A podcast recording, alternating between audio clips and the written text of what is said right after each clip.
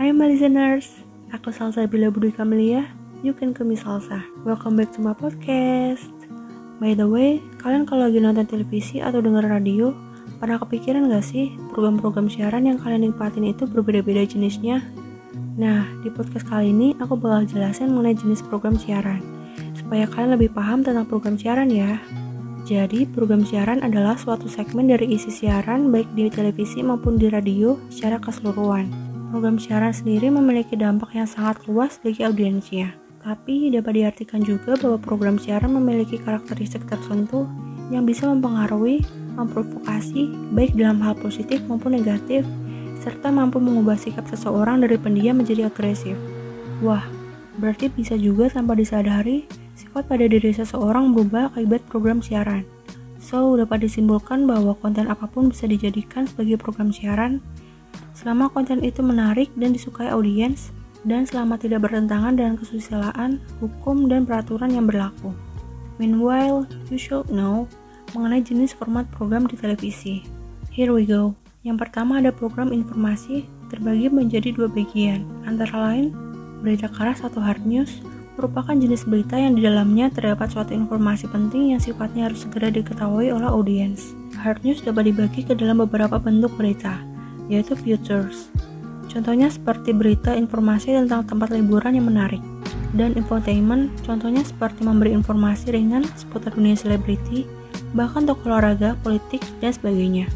Nah, selain dari program informasi hard news, ada juga berita lunak atau soft news yaitu berita-berita yang menyangkut kemanusiaan serta menarik bagi banyak orang.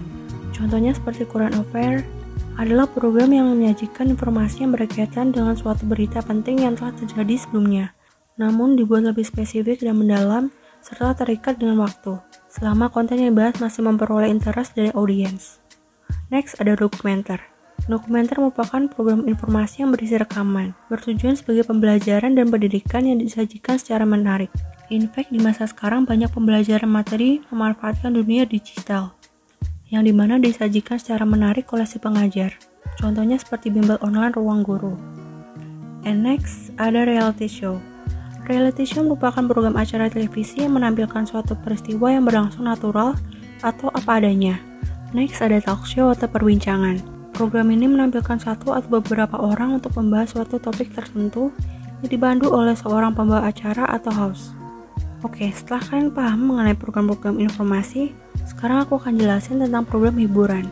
Nah, program jenis ini bertujuan untuk menghibur audiensnya dalam bentuk musik, cerita, dan permainan. Program yang termasuk antara lain program drama. Program drama yaitu pertunjukan atau show yang menyajikan cerita mengenai kehidupan atau karakter seseorang atau beberapa orang. Program televisi yang termasuk dalam program drama adalah sinetron dan film. Next, ada program game show yaitu program yang melibatkan sejumlah orang, baik secara individu maupun tim, yang saling bersaing untuk memenangkan permainan dan mendapatkan suatu hadiah. Next, ada program musik. Pada program ini, dapat ditampilkan dalam dua format, baik video klip maupun konser, yang dapat dilakukan di lapangan outdoor maupun indoor. Dan jenis yang terakhir yaitu program pertunjukan.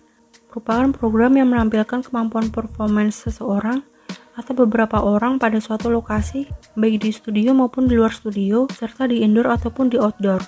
Oke, sekarang kalian jadi paham kan mengenai jenis program siaran? So, I think that's all and hope my explanation was useful for all of you. See you on my next podcast. Bye.